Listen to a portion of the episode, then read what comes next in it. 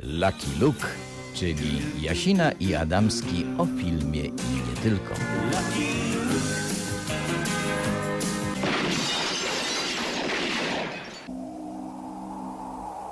Co tu dużo mówić, proszę Państwa. Odryk dobra nie waży, byście tu myśleli, że to podróby nasze nagle występują w radiu.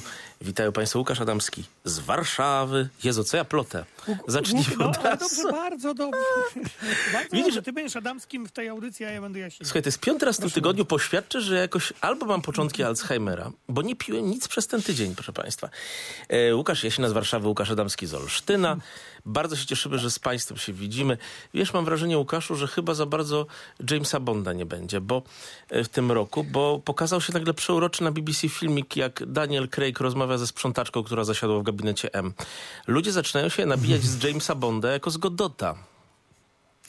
Mm, Wiesz co, myślę, że no, będzie musiał wejść, bo em, nie tak dawno e, już e, mu, e, musieli przemontować e, e, Bonda mm, ostatniego, bo okazało się, że w ręku miał przestarzały te, telefon komórkowy pewnej sieci, e, m, e, w sieci pewnej firmy, która to jest jedną z tych, która gdzieś tam produkt placement umieszcza w Bondzie.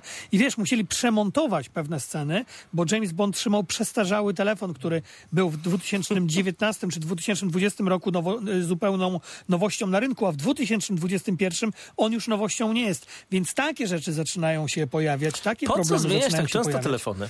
Pralki i tym podobne rzeczy. Ja, posłuchaj, mam telefon 4 lata i on działa. Telefoniku, kochani, tylko mi się nie zepsuj. Bo e, to są coraz droższe zabawki, ale żarty żartami. Ja naprawdę zaczynam coraz bardziej wierzyć, że e, twoje wywiady pokażą się na, ekskluzywnie na kanale internetowym Lucky Luka. E, ale i, i, i ciągle trwa ta cała rzecz. Proszę państwa, ale mimo wszystko, filmy, które są jakimś obiektem dyskusji, jakimś obiektem zainteresowania się pokazują i my dzisiaj niektóre z nich omówimy, bo co najmniej jeden z takich dużych filmów, który by się w kinie teraz pokazał, wszedł.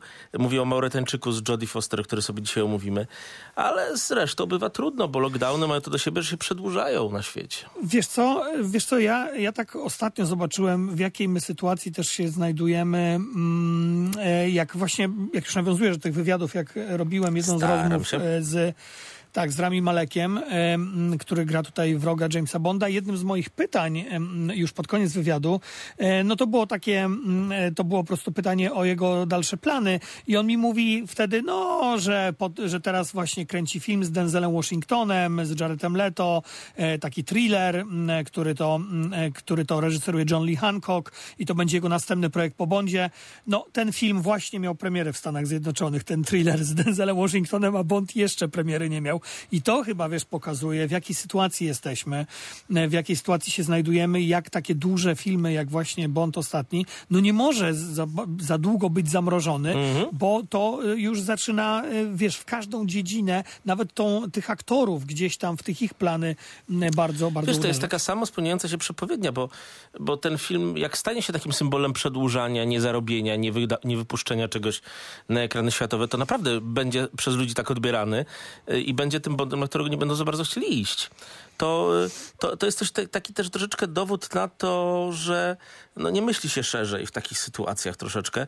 Y, Wiesz, y, z kolei też wzajemny klincz kin, kin i, i firm, które te kina prowadzą. Przerażająca sytuacja. Dobrze, że jeszcze istnieje kino artystyczne.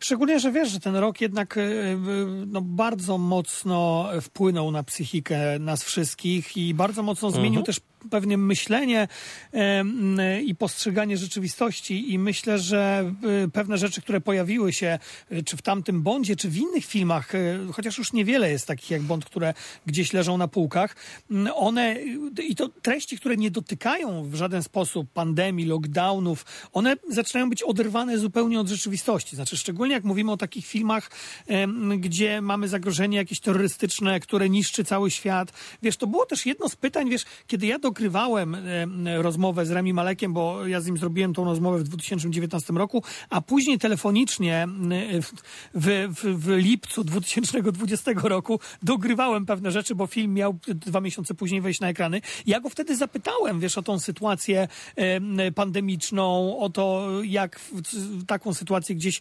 wpasować w scenariusz bondowski. Mm, Więc wiesz, no to wszystko zaczyna być przesiąknięte jednak tym ostatnim rokiem, który naprawdę zmienił percepcję całego świata i myślę, że tak, że Bond może być przestarzałym filmem pod tym względem, jak on już wejdzie na ekrany. Proszę Państwa, duet Jaśnia Adamskiej jest na szczęście obecny również przy klasyce kinowej. Ja byłem obecny przy niej zawsze i cieszę się, że od pewnego czasu Adamski także wpada w te sidła, jaką jest klasyka kina. Proszę Państwa, ale wstępy nie powinny być przydługie. Muzyka, która wprowadzi nas w pierwszy segment naszej audycji.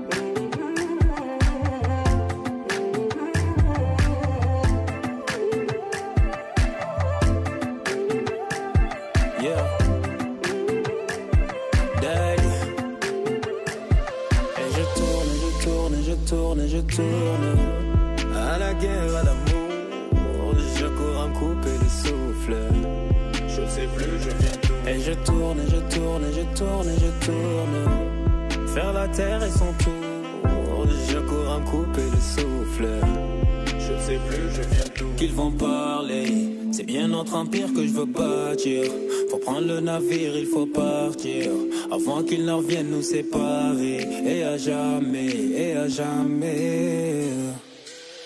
يا خوتي حرجع حداني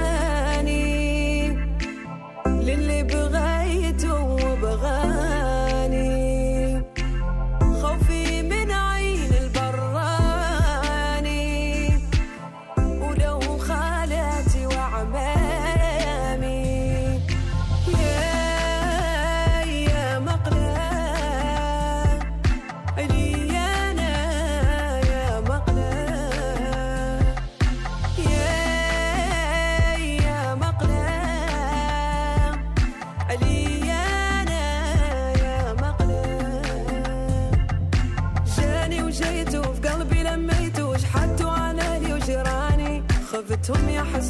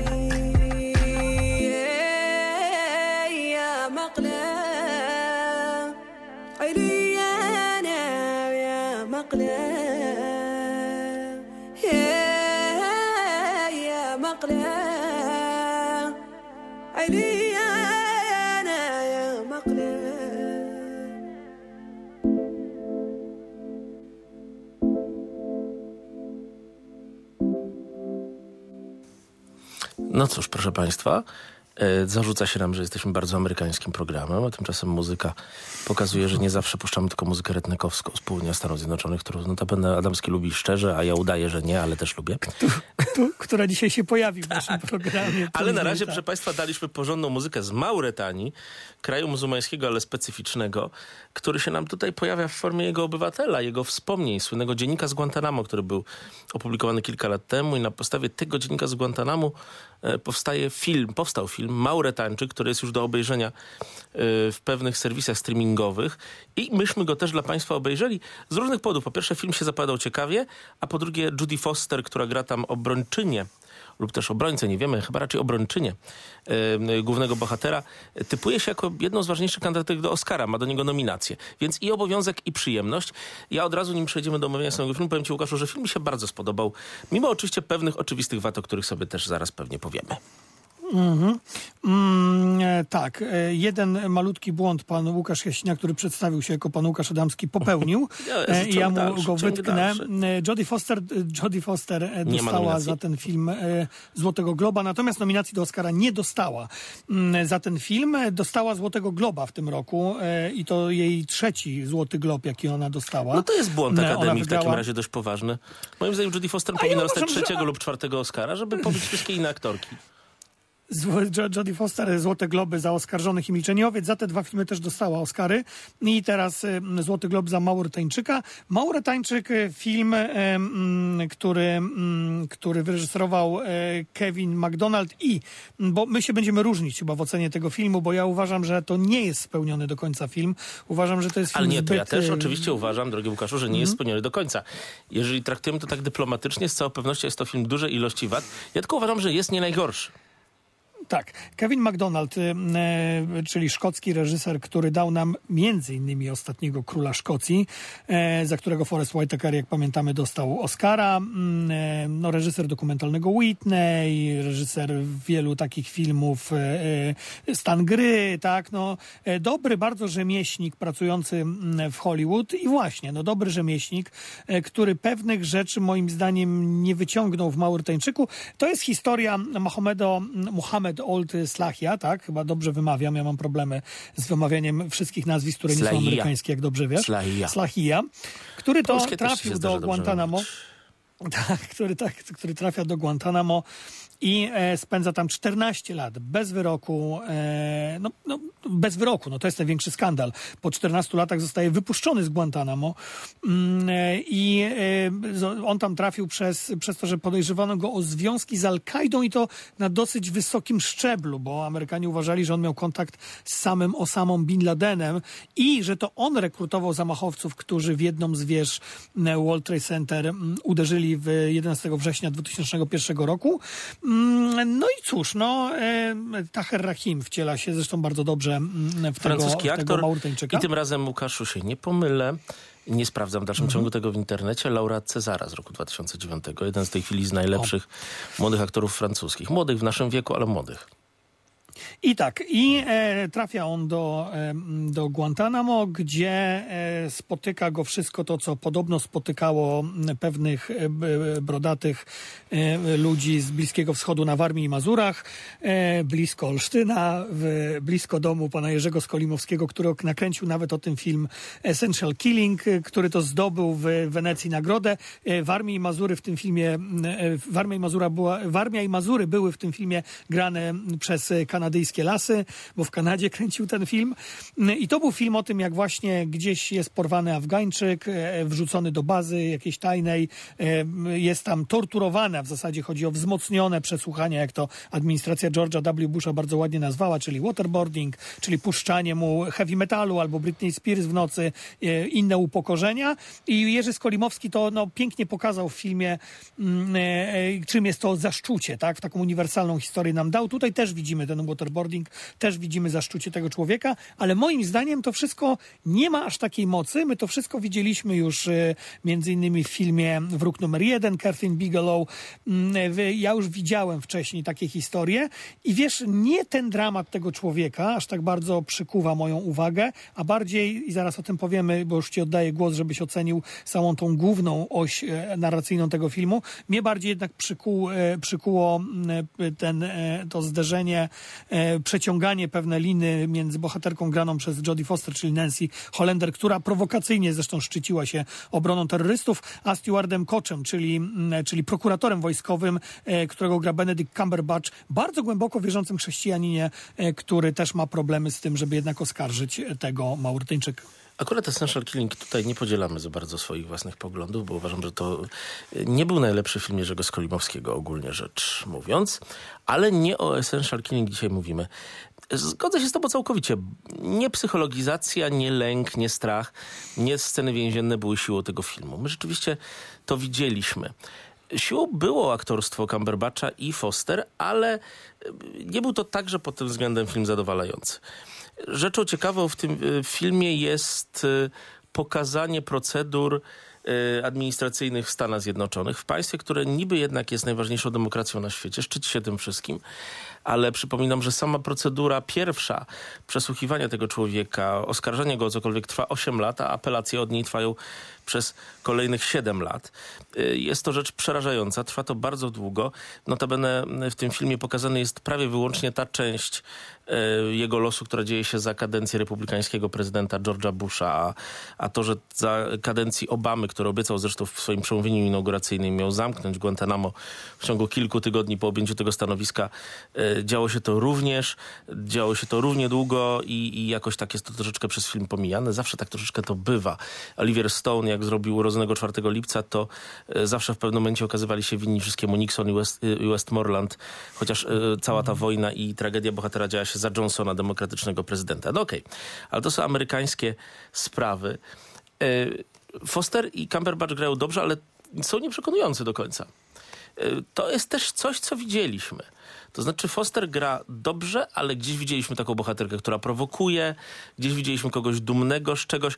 Wiesz, cała też dobrze budująca się jej relacja z głównym bohaterem, gdzie jest na początku nie najlepiej, to się potem zmienia, zostaje pod koniec y, filmu zastąpione takim bardzo plakatowym ym, y, opisem. Cumberbatch jest dla mnie bardzo wielkim zawodem. On jest coś takiego, że po pierwsze on nie jest do końca przekonujący w roli Amerykanina. Może wynika to także z jednak z pewnych utrwalonych wokół niego aktorskich mitów, amplua, które istnieją u niego. Do tego wszystkiego cała kwestia tej jego obrony swoich przekonań. Obrony pewnych wartości, które podziela. On nie chce być jednak kimś, kto oskarża człowieka niewinnego, co do którego winy nie jest przekonany. To także jest rzecz bardzo wtórna i w tym filmie nie za dobrze rozegrana. Ja powiedziałbym, że jest to potencjalnie film bardzo dobry rzemieślniczo, który mógłby zostać przez twórcę tego filmu rozegrany zdecydowanie lepiej. E, Mieliśmy dobre rzeczy, no jak, jak e, McDonald się zabierał za tematykę bliższą mu jakoś tak, brytyjską, położoną w brytyjskiej wspólnocie narodów, psychologizującą. Robił to dobrze. Nie wiem, może tutaj uległ w pewnym momencie pewnej poprawności politycznej? Wiesz co, ja, ja akurat, y, znaczy, pewny, znaczy, ja się zgadzam z tobą, że oczywiście ten film nawet w tej relacji, e, e, w te sceny, tak, gdzie mamy e, tą, tą właśnie Jodie Foster i Cumberbatcha, one też nie są do końca wygrane, ale to był jedyny moment tego filmu, który tak bardzo mnie przykuł. To znaczy, z jednej strony mamy pokazanego i to też, wiesz, dawno w kinie czegoś takiego nie widzieliśmy, albo takiej postaci nie widzieliśmy.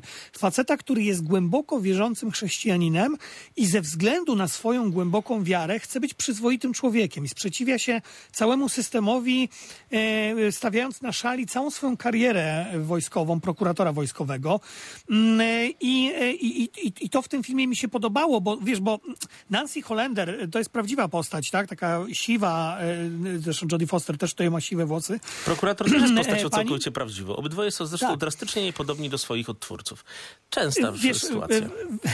Wiesz, Holender, ona się, ona się prowokacyjnie moim zdaniem jednak szczyciła obroną tych terrorystów i tutaj też nie mamy pociągniętego tego wątku, a to jest bardzo ciekawe, wiesz, mamy ko kogoś, kto w, po, w czasie po World Trade Center jednak y, no, idzie wbrew całej opinii publicznej, jeszcze zanim ten Irak okazał się y, katastrofą zupełną, no to jednak społeczeństwo stało przy George'u W. Bushu, przy jego administracji, a ona już To wtedy tu jest akurat jednak, dobrze no, pokazane. Po raz pierwszy nie buduje się tutaj takiego przekonania, że od początku to był błąd, to było zło. W roku 2002-2003, kiedy ten film się rozpoczyna, autentycznie amerykańskie społeczeństwo stoi po stronie tych, którzy ścigają ludzi będących potencjalnymi zbrodniarzami z Al-Kaidy. Tak jak było naprawdę.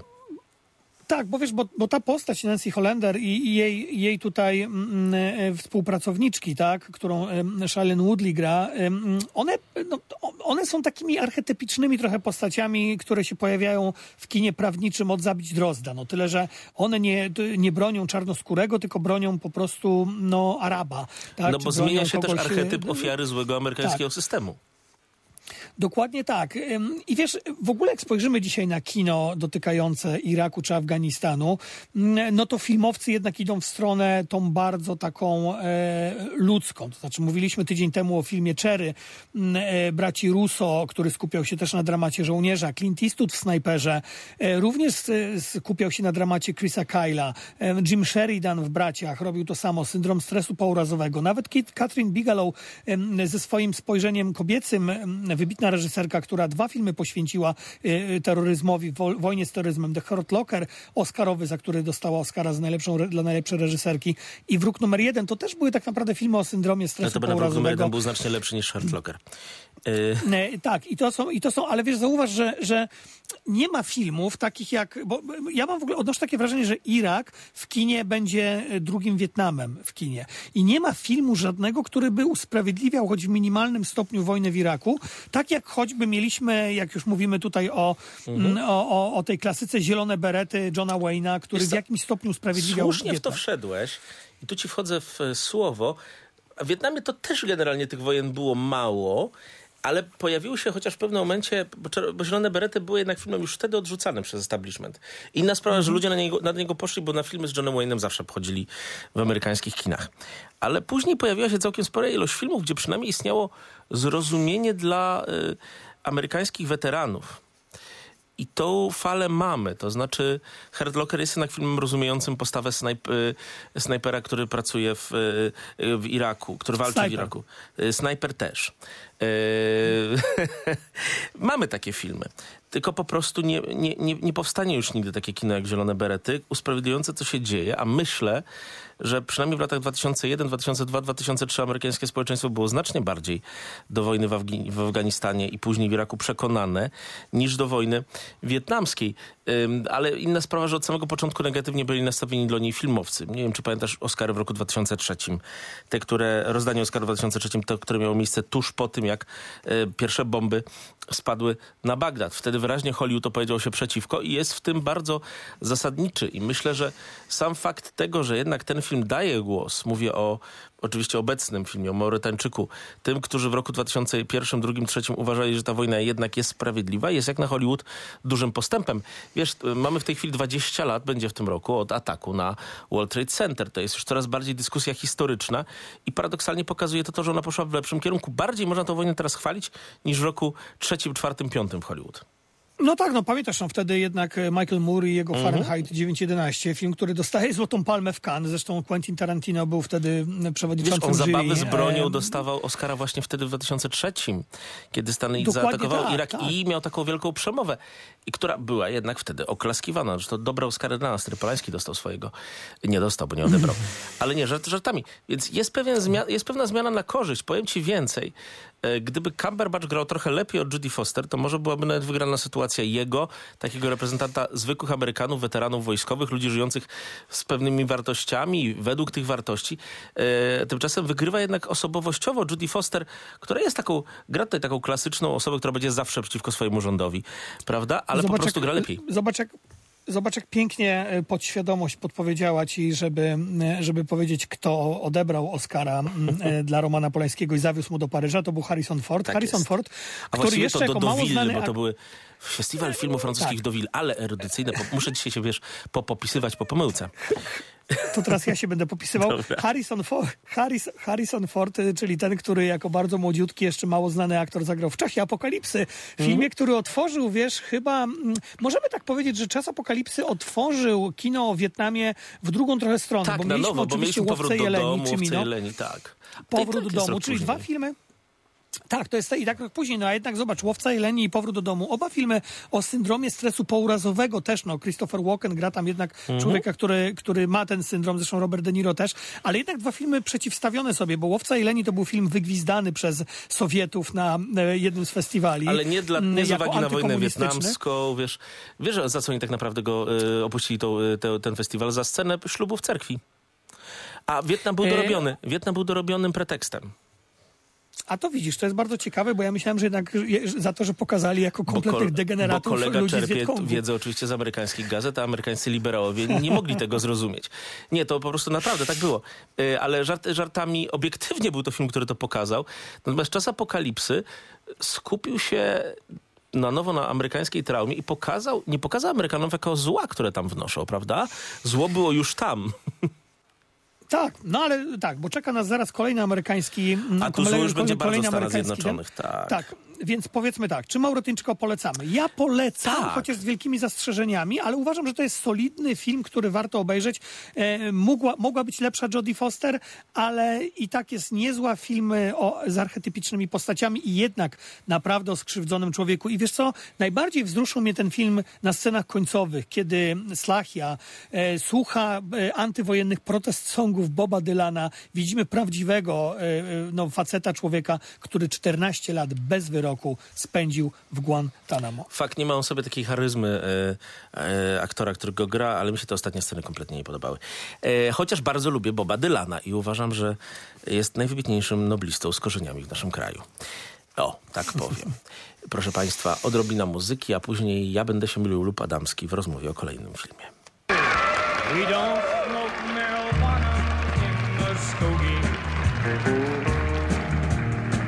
We don't take our trips on LSD. We don't burn our draft cards down on Main Street. We like living right, being free. We don't make a party out of loving. We like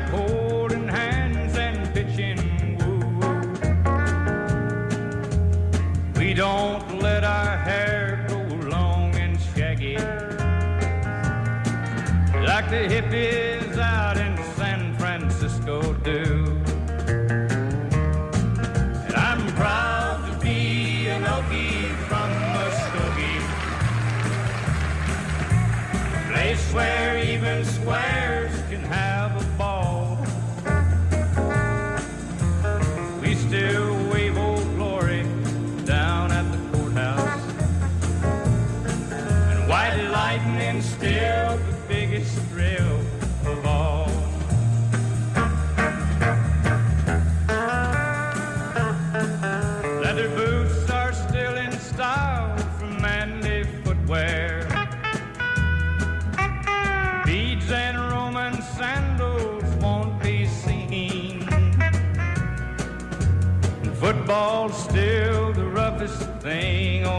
campus. And the kids here still respect the college dean.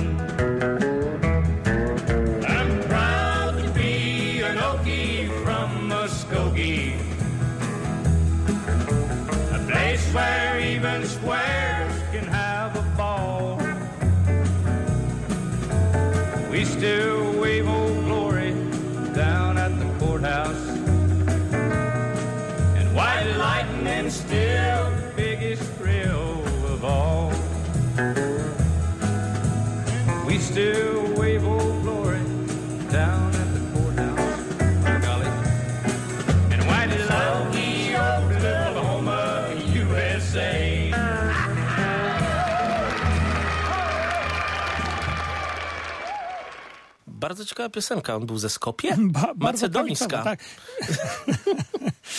E, tak, tak, tak. Piosenka, czyli my nie palimy marihuany, nie palimy flag, e, my jesteśmy tymi em, prawicowcami. Pamiętasz, ta piosenka leciała w takiej scenie u Olivera Stone'a w Plutonie.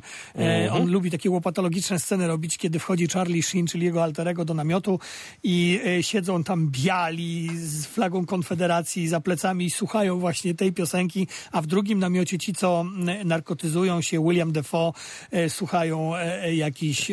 Już w to wierzę, że na południu e, Stanów się nie narkotyzują. Ale Pili piwo, tam pili piwo, tam pili piwo No to w tym teraz się namiocie, trochę bo Oliver zmieniło. Stone lubi tak, dzielić. Tak. Teraz to się trochę zmieniło. Oliver Stone rzeczywiście dzieli amerykańskie społeczeństwo, ale myślę, że omówiliśmy to o tym zresztą i tydzień temu i w różnych programach, że teraz piwo zostało bardzo mocno zastąpione przez różnego rodzaju substancje. Matury chemiczne, niekoniecznie takie ekologiczne, jak to, co robiono jeszcze w Plutonie, a przynajmniej w czasie wojny wietnamskiej, ale myślę, że najważniejszym narkotykiem sfrustrowanej części amerykańskiego społeczeństwa, bez względu na to, czy jest lewicowa, czy jest prawicowa, jest nienawidzieć kogoś w internecie. E, i tworzyć teorie spiskowe. Mm, I pojawia się. e, Tak, pojawia się na HBO bardzo ciekawy dokument Q Into the Storm, czyli mm, e, nadchodzi burza, czyli, mm, czyli opowieść o ruchu Quanon. I teraz, bo może część państw, z Państwa nie wie, czym jest ruch Quanon, może to dobrze, bo może nie powinniśmy wchodzić w takie rejony, To ale ci z Państwa, którzy nie chcą, nie teraz Kapitol, przez chwilę nie słyszą. Tak. Ale przy, po szturmie na Kapitol myślę, że każdy powinien wiedzieć. Mm, Ruch Quanon to jest taka, znaczy Q to jest jakaś anonimowa osoba albo grupa osób, która podobno ma dostęp do silnie strzeżonych tajemnic państwowych mm, w USA. No i te mm, informacje publikuje na różnych portalach, już nie na Twitterze, bo tam jest zbanowana od dawna. E, e, uważano przez długi czas, że prorokiem albo mesjaszem ruchu Q, albo samym e, Q jest Donald Trump. Zwolennicy tego Q ruchu e, zrobili szturm na Kapitol, o którym mówiliśmy. E, Ci w tych, e, ten, ten, ten, ten cały ich, nie, chciałem powiedzieć ksiądz, proszę bardzo, ten cały, ten cały ich ewangelizator, tak, to znaczy cały ten ich szaman mm, w tych rogach, to był właśnie człowiek związany z tym Q. Mm, Ten Q wcześniej różne teorie spiskowe głosił, między innymi słynną teorię Pizzagate, która bardzo źle się skończyła.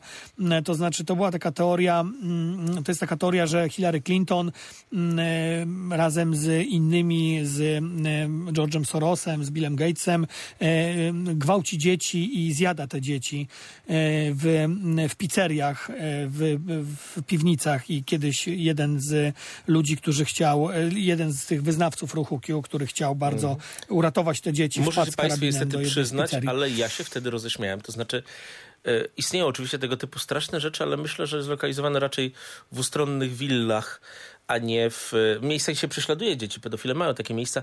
Nie są to pizzerie w centrach stolic. Zwłaszcza sieciówkowe. Tak, a tak, a wtedy wszystko zaczęło się od, od tego, jak Wikileaks upublicznił zawartość konta Johna Podesty, szefa kampanii Hillary Clinton. No i z tych właśnie maili wywnioskowano, że są tam jakieś tajne symbole ym, mówiące o tym, że Hillary Clinton i inni demokraci gwałcą dzieci. No, ale ten ruch Q naprawdę się rozprzestrzenił mocno, tak bardzo mocno, że mieliśmy ten szturm jednak na e, Kapitol. Nawet Donald Trump robił takie pewne nawiązania do tego Q w swoich przemówieniach, co jest prawdą. Robił to dlatego, że jest cynikiem, który po prostu zgarniał elektorat. Każdy, jaki tylko może. No i teraz dokumentalista mm, e, Hobak e, wszedł, znaczy po prostu w swoim filmie, pięć odcinków, chyba ten film ma dwa, są dostępne na HBO, on chce e, obnażyć te, to, kim jest Q. On chce dojść do tego, kim jest Q, spotyka się z wyznawcami tej teorii i e, z jednej strony, drogi Łukaszu, jestem przerażony tym, co widzę, jak widzę rozmowy z tymi ludźmi, którzy naprawdę wierzą w to, że wszystkie media kłamią, że wszędzie są fake newsy, że oni posiadają prawdę, święty graal mają w rękach i że Donald Trump to jest ten, który jest ich prorokiem i mesjaszem. Mm, A z drugiej strony, no, no bawiło mnie to trochę i tak chciałem, i tak zastanawiałem się, na ile to jest coś nowego, a na ile coś, co od początku ludzkości widzimy, protokoły mędrców Syjonu, różne inne teorie spiskowo o Żydach zjadających dzieci, e, katolików. Katolika zjadających dzieci protestantów, to z kolei specjalnością Tak. amerykańską i Żydów zjadających muzułmanów, muzułmanów, Żydów. i tak dalej. W Chinach były bardzo mocne teorie o tym, co robili rzekomo Europejczycy w czasie powstania bokserów. Wiesz, dużo jest takich różnych rzeczy i, i, i sam fakt wiary w różne spiski, e, tym podobne rzeczy, jest rzeczą oczywiście nie nową. Natomiast bardzo nową rzeczą jest to, co zrobił z tym wszystkim internet. To zacznę, zacznę od początku. Nie tyle odniosę się do kwestii Trumpa, ale od tego, co w tym filmie widzimy. Nie można się ludzi czepiać, ale, jest, ale film ten przedstawia galerię kuriozów, ludzi, którzy pojawiliby się i nie chcę nikogo stygmatyzować z uwagi na wygląd, e, ale też trochę charakter. W takim filmie, e, w takim filmie w latach 30., który był bardzo strasznym filmem pokazującym tragedię ludzi mających problemy fizyczne, dziwolągami tak zwanymi. A tu się pojawia jakaś masa dziwolągów psychicznych i fizycznych ludzi, którzy z uwagi na to, że ich albo Pan Bóg pokarał, albo tak się po prostu urodzili, yy, straszna sprawa, stają się ludźmi przykutymi do komputera, tutaj swoje frustracje rozbudowywują, tworzą swój własny świat.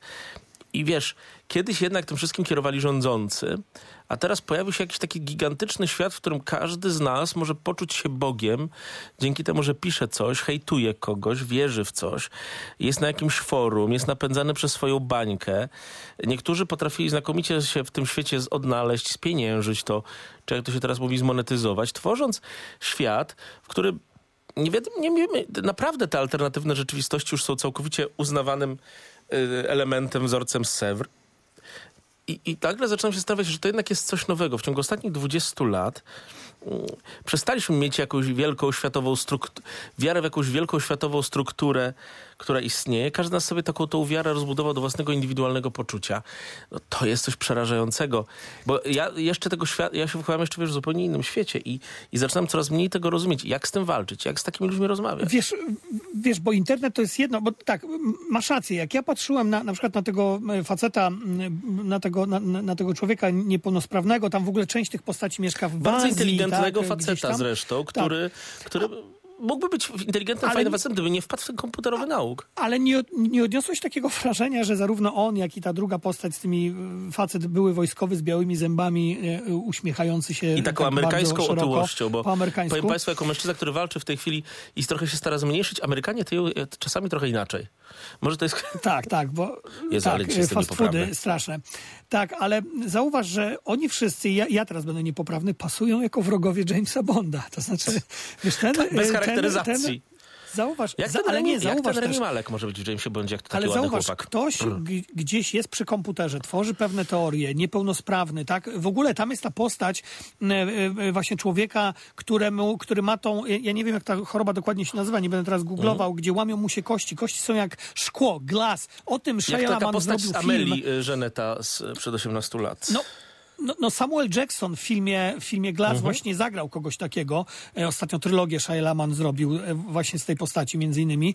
Mm, e, I, i wiesz, i, i to jest właśnie przerażające, że oni tworzą te teorie w internecie. Ten, ten dokument jest bardzo ciekawy, bo on wchodzi od samego początku. To znaczy on zarówno spotyka się z tymi, którzy są odbiorcami tych teorii na Jak YouTubie, na różnych tych, wiesz, na różnych takich portalach, bo to już nie jest YouTube, to, są, to, to, to jest ten dark web, tak? To znaczy to jest ten czy, ciemny internet. Wiesz, oni nie mogą ten, funkcjonować tak, to- do końca w tych formalnych, mainstreamowych portalach. Są jednak z nich usuwani. Jednak próbują te portale, wszelkie Twittery, YouTube od czasu do czasu z tym walczyć, od czasu do czasu. Tak, i, i, i, tam widzimy właśnie, jak z jednej strony ci ludzie mówią, no my bronimy wolności słowa, chcemy dawać forum do rozmowy, tak? E, później się okazuje, że te fora zamieniają się w jakieś antysemickie, nazistowskie, pornograficzne, pedofilskie wręcz e, e, e, strony. Natomiast wiesz, no z jednej strony widzimy wyznawców tego ruchu, którzy, tam jest taka kobieta, e, która mówi, e, że, no, że ona nie wie tak naprawdę, czy Ziemia je, jest okrągła, czy jest płaska, bo media wszystkie kłamią.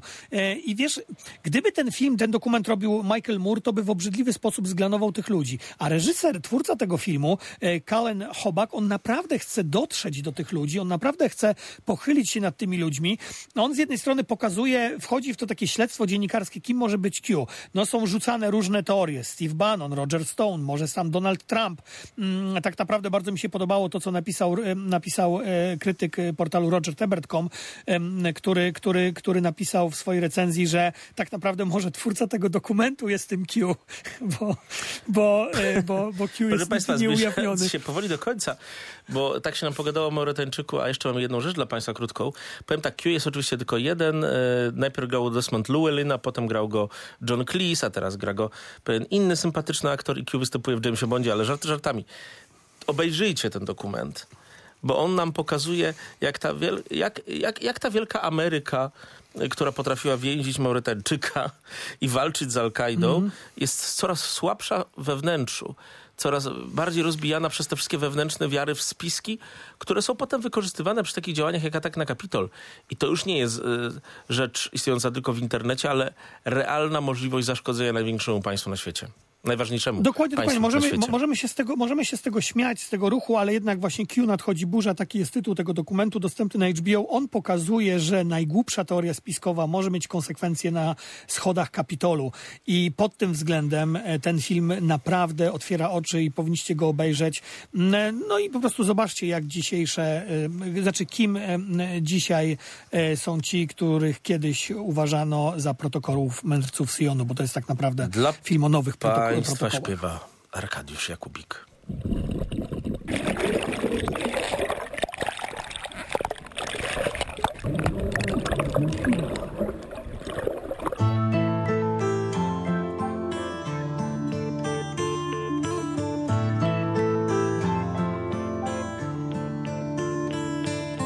Była połowa września dwutysięcznego roku, parę miesięcy po niedoszłym końcu świata. Nagle poczułem zapach, zapach szyi dziewczyny. Nie pamiętam jej imienia, uczyła się w technikum.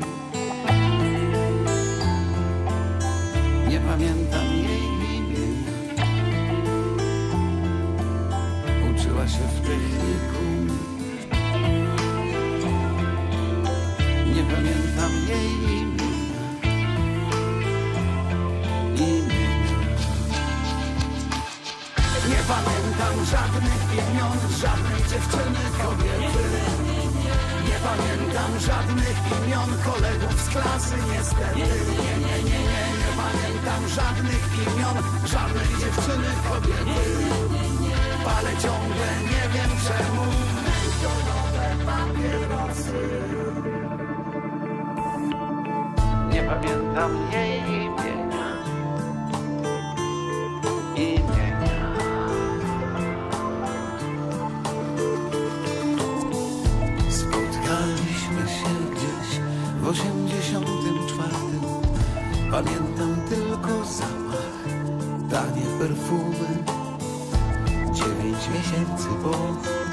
niedoszłym końcu świata.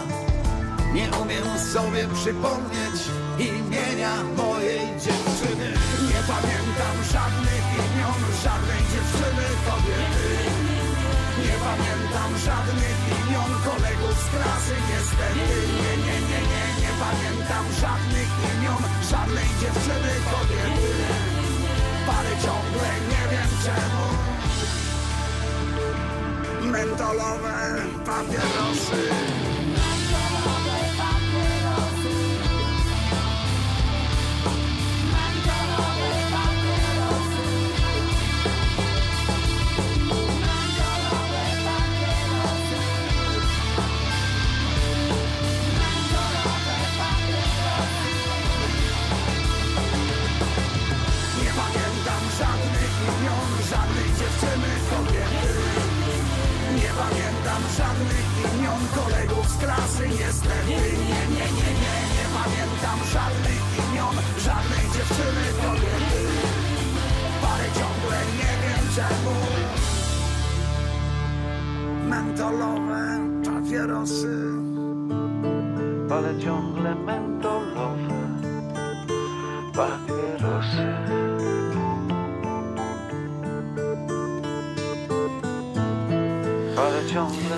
Nowy Tak, serial. ale, e, my, my nie namawiamy do palenia żadnych papierosów, ani mentolowych, ani Co żadnych najwyżej innych. do rzucia ment- mentolowej gumy y, do rzucia takiej miętowej. Tak, to namawiamy. Arkadiusz, Arkadiusz Jakubik bardzo ładnie śpiewa. Klangor pojawia się na Kanał Plus. E, Nowy serial w reżyserii Łukasza Kośmickiego, czyli tego, który dał nam ukrytą grę, nagrodzoną w Gdyni mm, według mm, e, sc- scenariusza Kacpera Wysockiego. Mm, e, No cóż, du, dobra obsada. Arkadiusz Jakubik, Aleksandra Popławska, Wojciech Mecwaldowski, Maciej Musiał. Maciej, co? musiał, e, Maciej kolejny- musiał gra postać potwornie negatywną. E, Kolejny e, kryminał, no i cóż, dobry kryminał, niedobry e, kryminał, wtórny, niewtórny, panie Łukaszu. Jaki to jest kryminał? Wtórny, ale bardzo dobry. Y, to znaczy serdecznie myślę go Państwu polecam i zdecydowanie mocniej niż Maurotańczyka, żebyś mi nie zarzucał po raz kolejny, że, że ja tego Maurotańczyka za bardzo doceniłem. Którym Arkadiusz Jakubik po raz kolejny wyzyskuje coś, co zaczęło mu wychodzić ostatnimi czasami. Gra w końcu człowieka średniego pokolenia, e, człowieka dorosłego, człowieka z pewną tajemnicą, za którym coś się ciągnie, człowieka, który e, wykazuje się gigantyczną charyzmą i dominacją. Ja jeszcze parę lat Psycholog temu- więzienny. Tak jest. Człowiek, który tutaj jednak robi cały film. Tak, e, film e, b- tak pokrótce opowiada o tym, m, znaczy osadzona akcja jest w Świnoujściu, osadzona akcja jest gdzieś na Pomorzu, co też już bardzo mi się to podoba, że jednak filmowcy wychodzą z tych dużych miast. Świnoujście jest bardzo Kraków. fajne i co więcej jest to jeden z pierwszych filmów, który się dzieje na Pomorzu Zachodnim, od Młodych Wilków, dawno, dawno temu, bo podobno jakoś strasznie lokujemy filmy, wiesz, na Podlasiu, Lubelszczyźnie, w Małopolsce, a nigdy na Pomorzu Zachodnim. I Świnoujście Tak, i bardzo jest dobrze- to swoją taką dziwną atmosferą miasta pogranicznego. Skandynawską atmosferą, to bardzo pasuje do skandynawskiego kryminału. Opowieść o, o zaginionej dziewczynie, y, córka właśnie Arkadiusza Jakubika, znaczy Rafała, którego gra Arkadiusz Jakubik i jego żona Maja Ostawczewska. Jego żona jest takim gastarbajterem w Niemczech, pracuje, opiekuje się starszymi ludźmi. Jakubik gra właśnie psychologa więziennego. Ich córka gdzieś zaginęła, znaleziono e, chłopaka, e, e, wyłowiono go z, z, z, z morza martwego, więc, więc ktoś kogoś zamordował, nie wiemy gdzie jest ta dziewczyna. Bardzo wolno jest ten e, kryminał, e, bardzo wolno się akcja rozkręca. Zobaczymy A myśmy dopiero widzieli filmy, dwa takie seriale dwa odcinki powinniśmy jednak oceniać po e, całym, po całej produkcji, ale wiesz, ja uważam, że, że, że to się dobrze zaczyna rozwijać i, i Jakubik tworzy bardzo dobrą rolę, bardzo chwyta mnie za serce, jest bardzo wzruszający jako ten ojciec, taki zwykły gość, który, który, który musi zderzyć się z, z, zaginioną, e, z tym, że zaginęła mu córka. Tam jeszcze pojawia się postać e, więźnia, który ucieka, który jest naćpany który, dopalaczami, którego łapią. Tworzy bardzo ciekawą rolę, e, nie komediową tym razem, tylko wchodzi w takie pewne mroki. E, Interesujący, ale znów ja z taką rezerwą o tym mówię, bo kilka razy się przejechałem na różnych kryminałach, e, e, szczególnie polskich, które dobrze się zaczynały, a fatalnie się kończyły. Więc drodzy Państwo, warto zajrzeć na kanał Plus. Jest to bardzo interesujący kryminał ze, świetną, ze świetnym aktorstwem, szczególnie Jakubika. I zobaczymy, czy to będzie jeden z najlepszych polskich kryminałów. Bo jaki jest Twój ulubiony kryminał polski ostatnich lat? Ostatnich lat, bez wątpienia moim ulubionym kryminałem ostatnich lat jest 07 Zgłoś się. E, Masz tak? I mówię nie bez kozery, tak, bo nie, oczywiście nie jest też tak do końca. Żartuję, e, musimy jednak budować tę opozycję historyk, e, e, filmoznawca kina współczesnego. Jest coraz lepiej, ale wiesz, mamy parę takich wielkich zawodów. Mateusz Damięcki się nam rok temu nie popisał i tak dalej, i tak dalej. Ten film na razie się zapowiada najlepiej z nich wszystkich, mówię o serialu. I znowu powtórzę, Znaczy- rolą Jakubika rolą Jakubika, który tutaj daje nam po prostu Arkadiusza Jakubika z filmów, z tą całą jego głębią i przekuwa to jakoś na serial w ciągu przynajmniej tych dwóch pierwszych odcinków. Wiesz co, ja mam, na, ja mam nadzieję, że dostaniemy coś na kształt Roysta, jednak najlepszego moim zdaniem kryminału ostatnich lat. E, e, Jana Cholubka. Teraz drugi sezon się pojawi e, na podstawie zresztą scenariusza nieżyjącego już Marcina Wrony i Pawła Maślony. Właśnie, właśnie zwiastun widzieliśmy mm, w internecie, ale wiesz no, Waldemar Krzystek szedł w bardzo ciekawą stronę w fotografię, tak? To znaczy polski kryminał gdzieś zaczyna wchodzić w takie różne inne rejony, ale ja mam, ja mam, ja się obawiam jednego, że Klangor czy inne takie Mhm. kryminały za bardzo są, to są filmy zanurzone w skandynawski kryminał i odnoszę takie wrażenie, że my nie mamy własnego kryminału, I to wiesz, jest rzecz. Mieliśmy, wiesz, i to akurat już pochwalę, nie tylko 07 zgłosie, próby tych wszystkich naszych kryminałów historycznych. Yy, Czekamy zresztą, wiesz, na, na Krajewskiego. E, bardzo, bardzo mocno. Mieliśmy to, to jest nasza siła, bo nasza historia jednak jest inna zupełnie niż w Skandynawii, e, ale to jakoś ostatnio troszkę nam zostało zawieszone i rzeczywiście zbyt mocno próbujemy kopiować Skandynawów, a powinniśmy pójść raczej w swoim kierunku. Ale być może widownia tego się domaga. Widownia lubi kopie skandynawskie oraz takie topornawe, ale sympatyczne kryminały w rodzaju komisarza Aleksa, czy, e, czy lepsze w rodzaju archiwisty. A filmy jednak się robi dla ludzi. W każdym razie czekamy na ciąg dalszy roli Arkadiusza Kubika, proszę Państwa, i Maciej Musiał walczy o zmianę amplua. Trzeba go wspierać. No, Metzfaldowski też walczy o tą zmianę amplua. Przecież on już ja miewał takie ciekaw, straszne role, a musiał był jednak zawsze w końcu taki jak jego wygląd zewnętrzny. Dobry. Ale wiesz, co jest też, bo już pewnie zaraz kończymy, ale No, wiesz, co jest jeszcze ważne w Klangorze? W Klangorze ważne jest to, że młodzi aktorzy, Katarzyna Gałązka, e, e, oni naprawdę mm, pokazują, że w końcu polskie kino ma dobrych, młodych, nastoletnich aktorów, co do tej pory nie było, e, e, nie było e, typowe dla polskiego kina. My mieliśmy problem z dziecięcymi aktorami, Tak a teraz jest. młodzi aktorzy są naturalni. Tak. To jest to rzecz, która się od kilku lat bardzo dobrze w naszym kinie udaje. Żegnamy Państwa bardzo serdecznie i za chwilkę wypływamy na wszystkich podcastach. Żegnają Państwa dwa Łukasze.